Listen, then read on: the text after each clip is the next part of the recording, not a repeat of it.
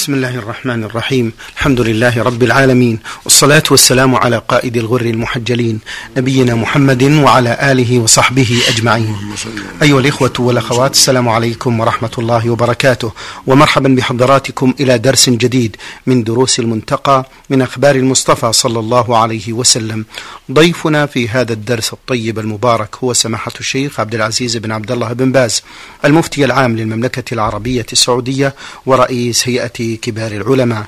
مع مطلع هذا اللقاء نرحب بسماحة الشيخ عبد العزيز معنا. فأهلا ومرحبا سماحة الشيخ. حياكم الله وبارك وقف بنا الحديث عند أبواب الأواني باب ما جاء في آنية الذهب والفضة. عن حذيفة قال سمعت النبي صلى الله عليه وسلم يقول لا تلبسوا الحرير ولا الديباج ولا تشربوا في آنية الذهب والفضة. ولا تأكلوا في صحافهما فإنها لهم في الدنيا ولكم في الآخرة متفق عليه.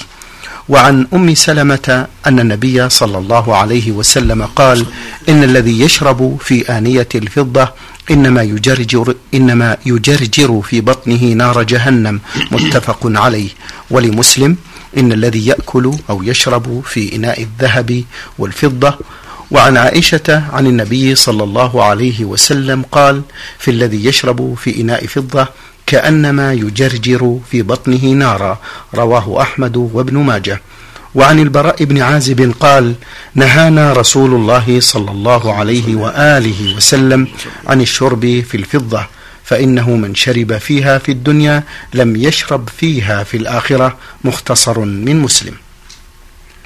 بسم الله الرحمن الرحيم. الحمد لله وصلى الله وسلم على رسول الله وعلى آله وأصحابه ومن اهتدى بهدى أما بعد فهذه الأحاديث الأربعة وما جاء في معناها كلها تدل على تحريم استعمال اواني الذهب والفضة وأنها لا يجوز للمسلمين استعمالها فهي للكفار في الدنيا وللمسلمين في الآخرة. ولهذا حذر النبي من ذلك قال لا تشربوا في انيه الذهب والفضة ولا تأكلوا في السافيه فإنها لهم يعني كفار في الدنيا ولكم في الآخرة. وقال في حديث أم سلمة الذي يشرب في اناء الفضة إنما يجرجر في بطن نار جهنم. متفق عليه. وإذا كان هذا في الفضة فالذهب من باب أولى. ولهذا في اللفظ الآخر الذي يشرب في اناء الفضة والذهب إنما يجرجر في بطنه في بطنه نار جهنم. أخرجه مسلم في الصحيح. فالواجب على كل مسلم وعلى كل مسلم الحذر من ذلك. وأن يتقي الله في هذا الأمر ويدخل في ذلك. اكواب الشاي والقهوة والملائق كلها أواني. فلا يجوز استعمال أكواب الشاي أو القهوة أو الملائق لا من الذهب ولا من الفضة لأن تدخل في الأواني وهكذا لبس الحرير ويأتي إن شاء الله في الملابس. لا يجوز لبس الحرير والديباج للرجل بل هو من زي النساء.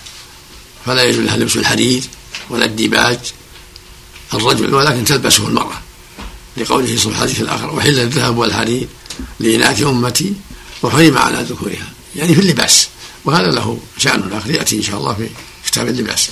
نعم. سماحة الشيخ هل يفرق بين أواني أهل الكتاب وسائر الكفار أم أن الحكم عام؟ جميع الأواني مباحة ما عدا الذهب والفضة. له يشرب في آنة الحديد آنة النحاس آنة الخشب آنة الحجر. كلها ما عدا آنة أواني الذهب والفضة هذا ممنوع. سواء كانت هذه الأواني توجد عند الكفار أو ما توجد عندهم هذا مباح إباحة عامة. ولهذا قال صلى الله عليه وسلم في في من سأله إذا لم يجد إلا أواني الذهب إلا أواني اليهود والنصارى أمر أن يغسلها ويأكل فيها. نعم. بالنسبة للغسل سماحة الشيخ هل هو للوجوب أم للاستحباب؟ الوجوب لأن قد يكون فيها آثار خمر أو خنزير فيكون ذلك من باب الحيطة لأنه يستعمل الخمر الخمر والخنزير نعم. بالنسبة للمجوس هل هم من أهل الكتاب سماحة الشيخ؟ بس تؤخذ منهم جزية سن به النبي سنة أهل الكتاب في الجزية فقط. لأن أخذ منهم وإلا فهم حكم حكم الوثنيين. لا تباح نساؤهم ولا ذبائحهم إلا أن الرسول أخذ منهم الجزية عليه الصلاة والسلام. فلا بأس يكون ولي الأمر منهم الجزية كما تؤخذ من اليهود والنصارى. أو يقاتلون إما يسلموا الجزية وإما أن يقاتلوا نعم. سماحة الشيخ حفظكم الله الأمر بغسل أواني الكفار هل يدل على أن نجاستهم حسية؟ لا هو من أجل الحسية هو الكافر طاهر لكن غسل أوانيهم لأنها عرضة لاستعمال الخمر واستعمال آه، لحم الخنزير وأشبه ذلك مما يحرم عليهم وإلا فنفس الآدمي طاهر ولهذا عرق الكافر وثيابه إذا ما جاء نجاسة طاهرة. إنما النجاسة فيما يحصل منه من البول والغائط والدم ونحو ذلك. كالمسلم. الآدمي طاهر البدن طاهر العرق. ولكن النجاسة في بوله وغائطه ودمه. ولهذا أمر النبي بغسل أوانيهم لأنها تكون عرضة لاستعمالها في ما حرم الله من الخمر أو لحم الخنزير ومرقه ونحو ذلك. نعم. باب النهي عن التضبيب بهما إلا بيسير الفضة. عن ابن عمر أن النبي صلى الله عليه وآله وسلم قال من شرب في إناء ذهب أو فضة أو إناء فيه شيء من ذلك فإنما يجرجر في بطنه نار جهنم. رواه الدار قطني. وعن أنس أن قدح النبي صلى الله عليه وسلم انكسر فاتخذ مكان الشعب سلسلة من فضة رواه البخاري. ولأحمد عن عاصم الأحول قال رأيت عند أنس قدح النبي صلى الله عليه وسلم وفيه ضبة فضة. وهذا يدل على جواز التضبيب بفضة القدح إذا انكسر وهذا خاص بالفضه فقط ولا يجوز استعمال الذهب في تضبيب الإناء لأن الذهب تحريمه مغلظ. أما الفضة فهي أسهل ولهذا اتخذ النبي صلى الله عليه وسلم لما انشعب القدح ضبة من الفضة فدل ذلك على التسامح في هذا من الفضة ودل على تحريم اتخاذ الأواني من الفضة من غير حاجة. لا لا يتخذ الأواني. أما الشعب إذا انكسر صار في قدح شعب وجعل فيه شيء من الفضة فلا بأس خاصة أما إناء كامل أو ملعقة كاملة أو كوب كامل هذا كله محرم لا من الذهب ولا من الفضة. لقوله صلى الله عليه وسلم لا تشرب في أواني الذهب والفضة ولا تأكلوا الساعة فيها. الرسول أما نهانا عن الشرب في أواني الذهب والفضة وعن الأكل في الساعة فيها سواء كانت أواني صغيرة كالكوب ونحوها أو كبيرة. لكن الشعب والصدع اللي قاعد انصدع قدح صار فيه كسر وجبر بفضة شعب بقسط من الفضة. بشيء من الفضة فلا بأس. يعفى عنه نعم. سماحة الشيخ ما مناسبة الحديث الأول لموضوع الباب؟ والأو إناء فيه شيء من ذلك. يعم يعم الضبة وغير الضبة. فلا تجوز الضبة من من الذهب ولكن تجوز من من الفضة خاصة عند الحاجة إليه. نعم. هل هناك حكمة سماحة الشيخ من إباحة الضبة اليسيرة؟ لأنها لأجلها قد تدعو الحاجة إليها قد لا يتيسر التضبيب بغيرها. قد يكون قد يحتاج إلى ذلك. والفضة أمرها أسهل. نعم. أه، حفظكم الله سماحة الشيخ هل هناك شروط للضبة؟ ما أعلم ما أعلم شروط. لأن الرسول صلى الله عليه وسلم اتخذ الشعب من من الفضة. يعني جبر الشعب من الفضة ولم يذكر أسباب واضحة. والتضبيب بغير بغير الفضة متيسر فيما يظهر من الحديد وغيره. فالظاهر والله أعلم أنه يجوز تضبيبها مطلقة لكن إذا تيسر غيرها من باب الاحتياط حسن. وإلا فالأصل جواز الفضة جواز التضبيب بالفضة لأن الغالب أن التضبيب بغيرها أمر ميسور مو ممتنع. سماحة الشيخ حفظكم الله بعض الناس ممن أغناهم الله آه، قد يتخذون في بيوتهم أباريق وأواني من ذهب وفضة هل من توجيه لهؤلاء؟ نعم لا يجوز اتخاذ الأباريق ولا الأواني بفضة حتى ولو ما شرب فيها حتى ولو ما تأكل فيها حتى ولو للزينة لأنها وسيلة لأن تستعمل. فلا يجوز اتخاذ اتخاذ الأواني من الذهب والفضة سواء كانت أباريق أو دلال أو فناجيل أو أكواب شاي أو أو غير ذلك. حتى ولو قال إني لا أشرب فيها وإن يضعها وسيلة فهي محرمة لأن اتخاذها وسيلة إلى الشرب فيها والأكل فيها. نعم. باب الرخصة في آنية الصفر ونحوها. عن عبد الله بن زيد قال أتانا النبي صلى الله عليه وسلم فأخرجنا له ماء في تور من صفر فتوضأ. رواه البخاري وأبو داود وابن ماجه. وعن زينب بنت جحش أن رسول الله صلى الله عليه وآله وسلم كان يتوضأ في مخضب من صفر. رواه أحمد. مثل ما تقدم لا بأس. اتخاذ الأواني من الصفر. وهو نوع من الحديد لكن أصفر فلا بأس أن يتخذ. من الحديد والصهر والخشب والحجر لا بأس بذلك. الممنوع الذهب والفضة فقط وما سواهما فهو جائز من جميع المواد. يتخذ بها يتخذ أواني قدور ملاعق أواني للشرب كله جائز من أي نوع كان ما عدا الذهب والفضة نعم. باب استحباب تخمير الأواني. عن جابر بن عبد الله في حديث له أن النبي صلى الله عليه وآله وسلم قال أوك سقاءك واذكر اسم الله وخمر إناءك واذكر اسم الله ولو أن تعرض عليه عودا متفق عليه.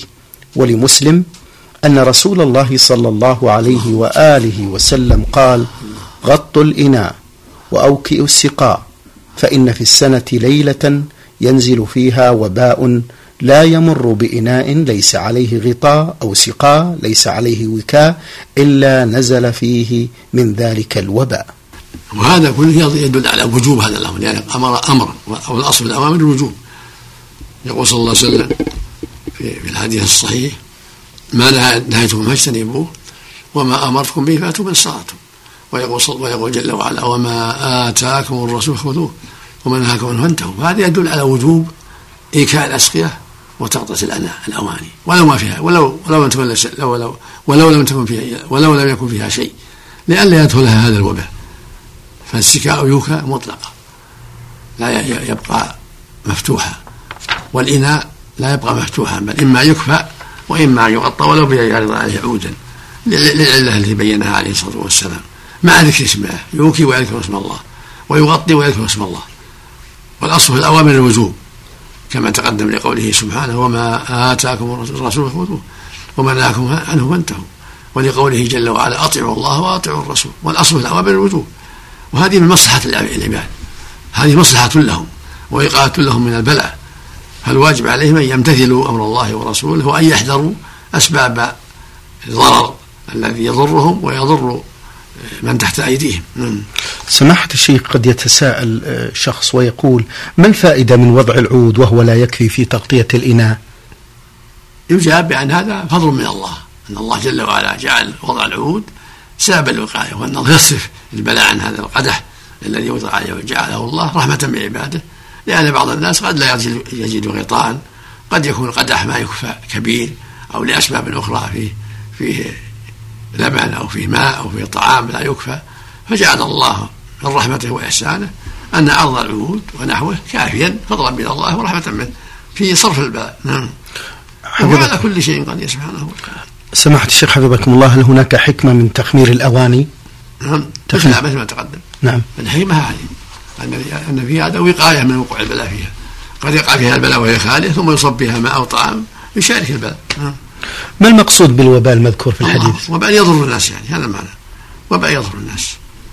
دخان يضر الناس رطوبة تضر الناس غير ذلك يعني شيء يعلق بالأواني إما من جهة الرياح أو من جهة أمطار تقع أو غير ذلك. المقصود أنها شيء يقع لا يملكه الإنسان.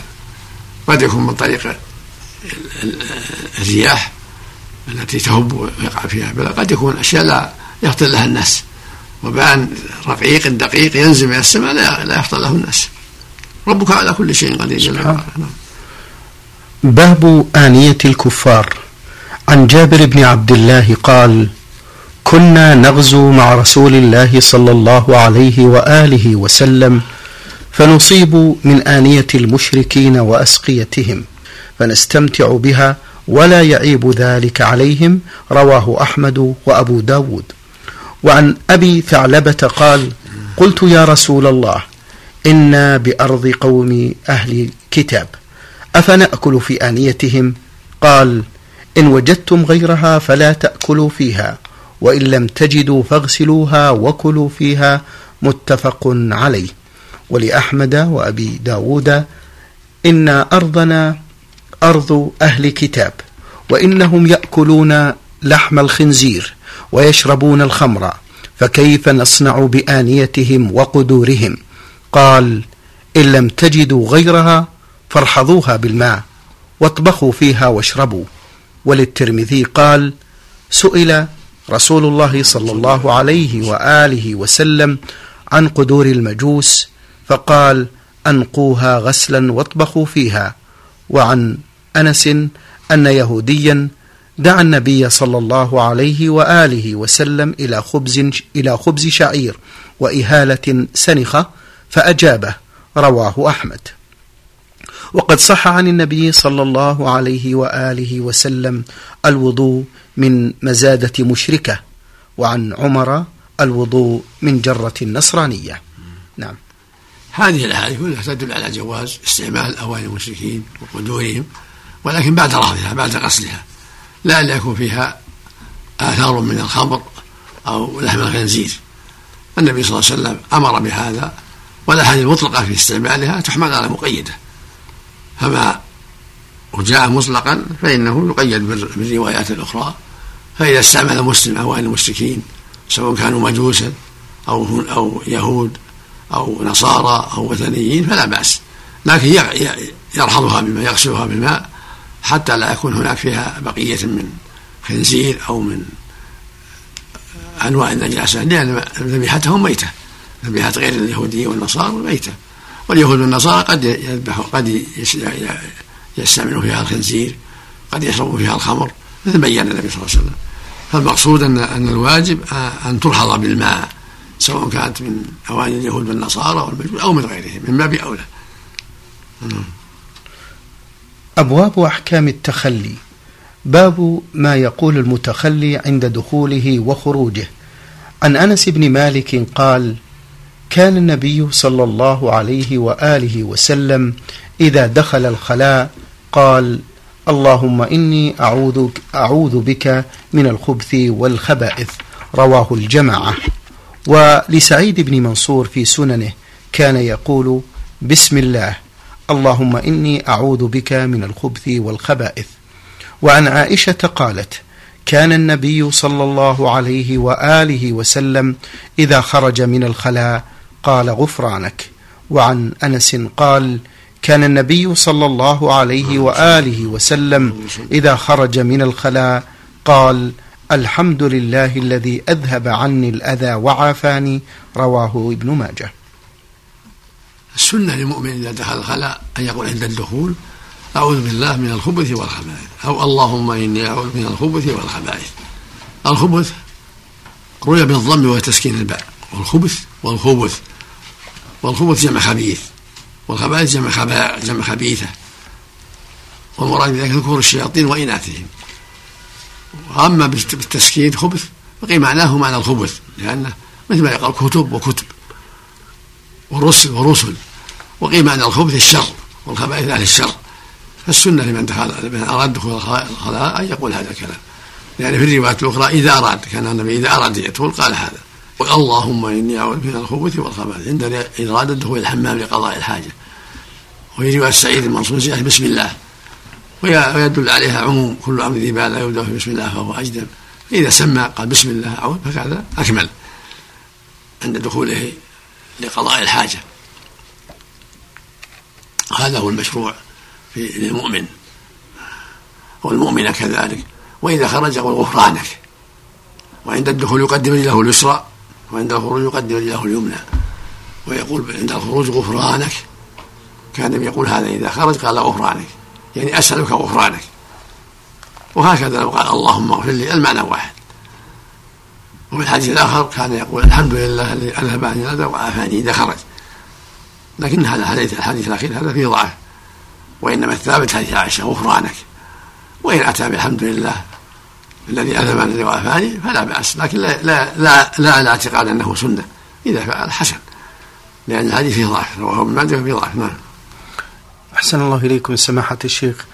آه، ما المشروع آه، للمسلم في هذه الأحاديث؟ الاقتصار عليها أم الزيادة؟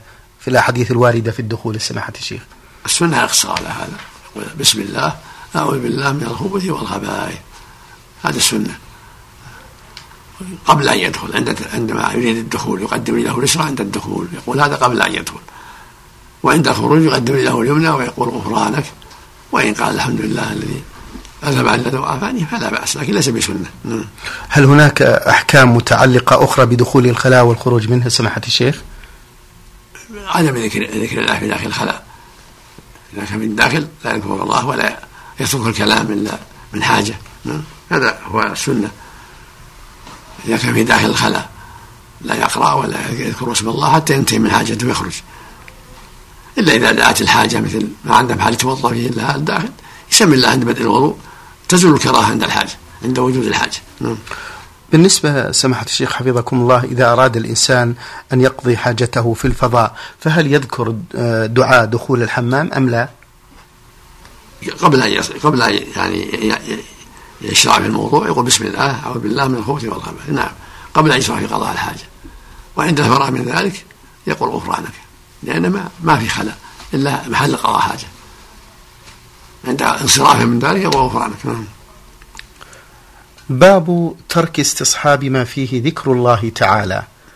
عن أنس قال كان النبي صلى الله عليه وآله وسلم إذا دخل الخلاء نزع خاتمه رواه الخمسة إلا أحمد وصححه الترمذي.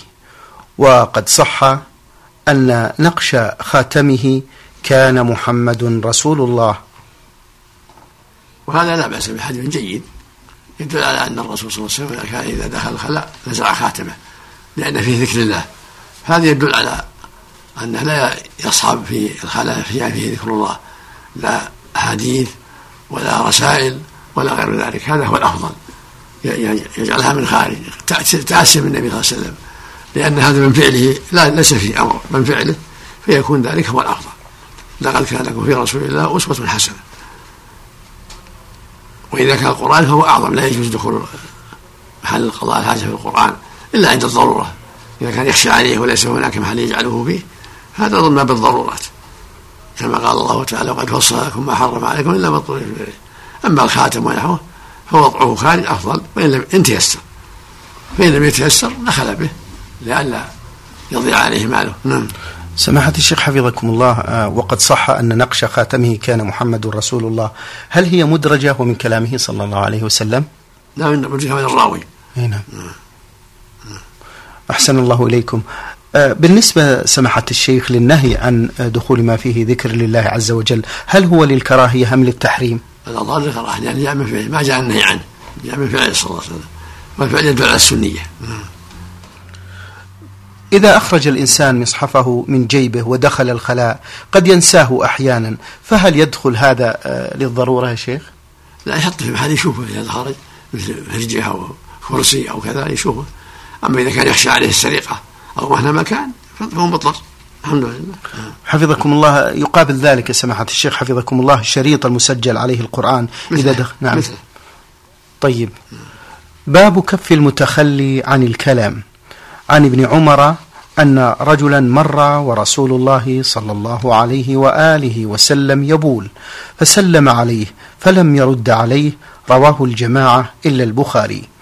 وعن أبي سعيد قال سمعت النبي صلى الله عليه وآله وسلم يقول لا يخرج الرجلان يضربان الغائط كاشفين عن عورتهما يتحدثان فإن الله يمقت على ذلك. رواه أحمد وأبو داود وابن ماجه. الحديث الأول يدل على أن من كان يقضي حاجته لا يسلم عليه وإن سلم عليه لم يرد لأن مشروع بقضاء الحاجة فلا يرد على من سلم ولا يشرع الرد عليه لأن فيها قضاء الحاجة. وجاء في الرواية أنه قام بعدما قام ضرب الحائط ورد عليه السلام تيمم وضرب الحائط متيمما ورد ورد السلام. والخلاصة أنه إذا كان يقضي حاجة بول أو غائط فالسنة لمن يمر عليه ألا يسلم عليه. فإن سلم عليه لم يرد لأنه في حالة قضاء الحاجة لا لا ينبغي له ذكر ذكر ذكر الله جل وعلا.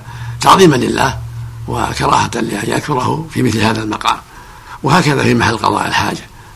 المخصوص لا يسلم عليه ويقضي حاجته في محل ولا يرد عليه ويسلم عليه في محل قضاء الحاجة. تعظيما لله جل وعلا وتقديسا له أما كشف العورة فهذا لا يجوز. وكشف العورة بحيث يراها أحد لا يجوز. إنما يكشفها أحد لا يراه أحد لقضاء الحاجة. أحسن الله إليكم. لعلنا نختم هذا اللقاء بهذا السؤال سماحة الشيخ وهو آه، قد يسلم بعض الناس على شخص وهو في الحمام. هل يلزم الثاني الرد إذا خرج؟ ما يلزم الرد. لأن لما سلم وهو يقضي حاجته لم يرد عليه الصلاة والسلام. شكر الله لكم سماحة الشيخ وبارك الله فيكم وفي علمكم ونفع بكم الإسلام والمسلمين. أيها الإخوة والأخوات كان معنا في برنامج شرح كتاب المنتقى سماحة الشيخ عبد العزيز بن عبد الله بن باز المفتي العام للمملكة العربية السعودية ورئيس هيئة كبار العلماء. شكر الله لسماحة الشيخ على ما بين لنا. وفي الختام تقبلوا تحيات الزملاء من الإذاعة الخارجية فهد العثمان ومن هندسة الصوت سعد عبد العزيز خميس. والسلام عليكم ورحمة الله وبركاته.